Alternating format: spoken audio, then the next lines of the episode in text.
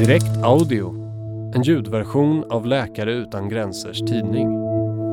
Sjukdomarna som den rika världen glömde. De kallas försummade sjukdomar. En lista på ett tjugotal diagnoser som varje år drabbar miljontals människor. Gemensamt för sjukdomarna är att de slår mot de fattigaste och att ytterst lite görs för att komma till rätta med dem. Snäckfeber, flodblindhet, elefantiasis, afrikansk sömnsjuka. Ringer det några klockor? Det här är fyra av de 20 diagnoser som Världshälsoorganisationen WHO definierar som försummade tropiska sjukdomar. Det vill säga infektioner som drabbar tropiska och subtropiska områden i runt 150 länder. Sjukdomarna är mycket sällsynta i Sverige, men runt om i världen slår de hårt mot människor som redan är sårbara.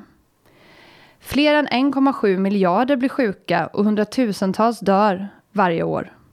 Många av dem som överlever får men för livet. Oftast drabbar dessa infektioner de allra fattigaste. De som redan är sjuka eller bor i mycket svårtillgängliga områden där vägen till sjukvård kan vara lång och fylld av faror. Det här säger Gabriel Alcoba som är specialistläkare inom tropikmedicin och barnhälsa och leder Läkare utan gränsers arbetsgrupp kring försummade tropiska sjukdomar. Han har lång erfarenhet av att vårda patienter med diagnoserna på WHOs lista. Framförallt parasitsjukdomen Kala-Azar och ormbettsförgiftning.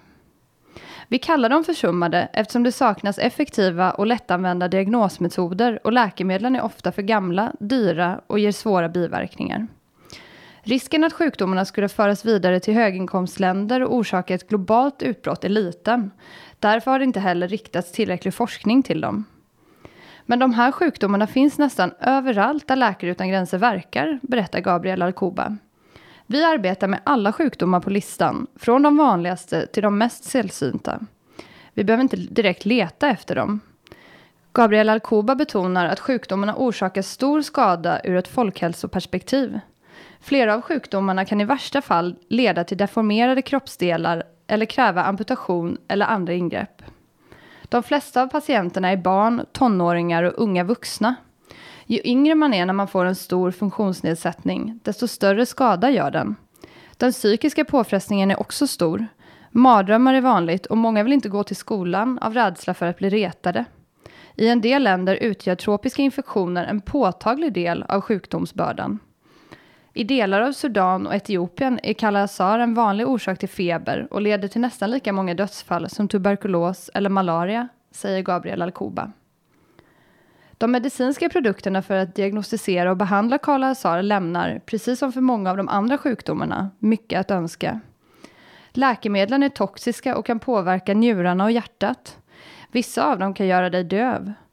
Man måste vara väldigt aktsam kring hur man sätter in de här läkemedlen och till vem man gör det, berättar Gabriel Alcoba. Något vaccin finns inte.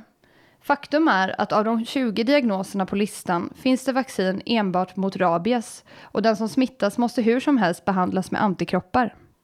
Många av de försummade sjukdomarna är precis som rabies zoonoser, det vill säga infektioner som sprids mellan djur och människa. Smittämnena varierar mellan virus, bakterier, svampar och parasiter. Och så giftet från ormbett som är en egen kategori. Vilka som drabbas av försummade sjukdomar påverkas av miljön. Kanske lever du i en omgivning med djur tätt omkring dig. Eller jobbar barfota ute på fälten, vilket ökar risken att bli biten av infekterade insekter.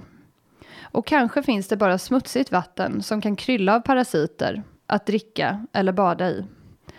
När jag arbetade i Agok i norra Sydsudan var många av våra patienter internflyktingar. De bodde i små tält längs med floden. Efter ett tag drabbades Agok av översvämningar och många av flyktingarna blev bitna av giftormar som tog sig in i hyddorna eller tälten nattetid. Enligt Gabriel Alcoba bidrar klimatförändringar, konflikter och fattigdom till spridningen av tropiska sjukdomar.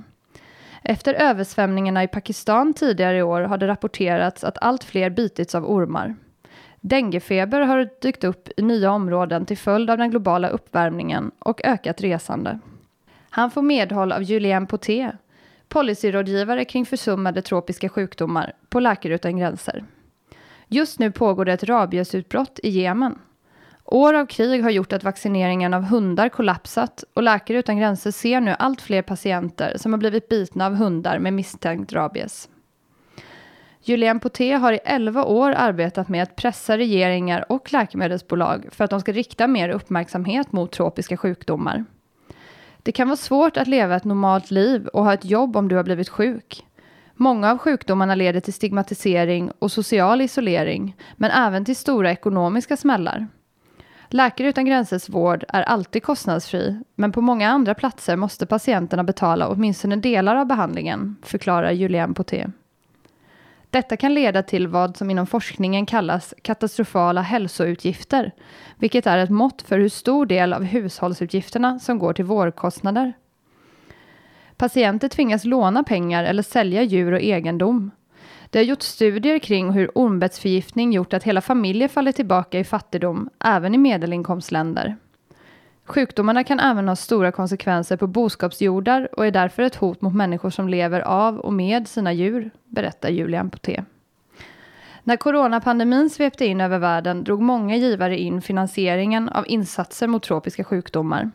Ett exempel är Storbritannien som allokerade om resurserna till vården av covid-19 på hemmaplan. Flera projekt mot snäckfeber och kalla azar i östra och västra Afrika tvingades stänga ner. Med energikrisen och den oroliga ekonomiska situationen i världen har hälsobudgeterna krympt och finansieringen är inte tillbaka på den nivån det var innan pandemin, konstaterar Gabriel Alcuba. Att det finns ett akut behov att uppmärksamma dessa sjukdomar är Gabriel Alcuba och Julien Poté helt överens om. Det är inte så att de är omöjliga att förebygga eller behandla. Görs det tillräckliga investeringar under en längre tidsperiod så ger det resultat. Det mest slående exemplet är den effektiva behandling mot sömnsjuka som forskningsstiftelsen DNDI, Drugs for Neglected Diseases Initiative, har tagit fram, säger Julian Poté. Det var 2018 som stiftelsen, som Läkare utan gränser var med och grundade vid millennieskiftet, lanserade en peroral behandling av sömnsjuka. Tidigare gavs patienter smärtsamma injektioner som innehöll arsenik. Sömnsjukefallen har minskat avsevärt sedan 2018, så det finns ingen anledning att tro att det här inte skulle vara möjligt för andra sjukdomar, säger Julian Poté. Förra året lanserade WHO en ambitiös plan för att minska sjukdom och dödsfall i försummade tropiska sjukdomar, bland annat med målet att reducera antalet personer som behöver vård med 90 procent till 2030. Men det finns vissa sjukdomar som är så pass försummade att de inte ens finns med på listan över bortglömda sjukdomar. En av dem är den ansiktsätande sjukdomen noma. Det är en bakteriell infektion som börjar i tandköttet och utvidgas till kinden. Idag drabbar noma främst undernärda barn i låginkomstländer, men sjukdomen fanns i både koncentrationslägren under andra världskriget och i de sovjetiska fängelserna i Sibirien. Så den kan uppstå var som helst under rätt, eller snarare fel, omständigheter, berättar Gabriel Alcuba. Noma drabbar runt 140 000 barn varje år och patienterna behöver oftast kirurgisk behandling och psykologiskt stöd, vilket Läkare utan gränser arbetar med på ett specialiserat sjukhus i Sokoto i nordvästra Nigeria. Vi har sett hur stigmatiserade de här patienterna är. De stängs ute från samhället. Om man sätter in antibiotikabehandling snabbt så behöver skadorna på ansiktet inte bli så stora. Vi har även arbetat hårt för att Noma ska inkluderas på WHOs lista och vi har fått med oss ministrar från flera länder.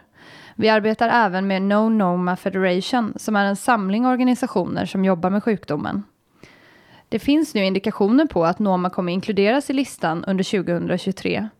Både Gabriel Alcuba och Julien Poté betonar att Läkare utan gränsers kanske viktigaste roll är att fortsätta sätta ljus på sjukdomarna genom organisationens patienter eftersom man arbetar på platser där få andra är. Vi måste fortsätta att sätta press på WHO, på läkemedelsbolagen och på andra aktörer. Människorna som drabbas har oftast ingen röst i samhället. Vi måste dela deras berättelser. Det är både oacceptabelt och oetiskt att dessa sjukdomar faller i glömska, säger Gabriel Alcuba. Den här artikeln är skriven och inläst av Sanna Gustavsson och publicerades i Läkare utan gränsers tidning Direkt nummer 4 2022. Du kan ladda ned pdf-tidningen till din dator eller surfplatta på vår hemsida www.lakareutangranser.se. Sök på Direkt så hittar du hela vårt tidningsarkiv där. Tack till Bjarki Kaikomo för musiken. Ansvarig utgivare är Oliver Schultz.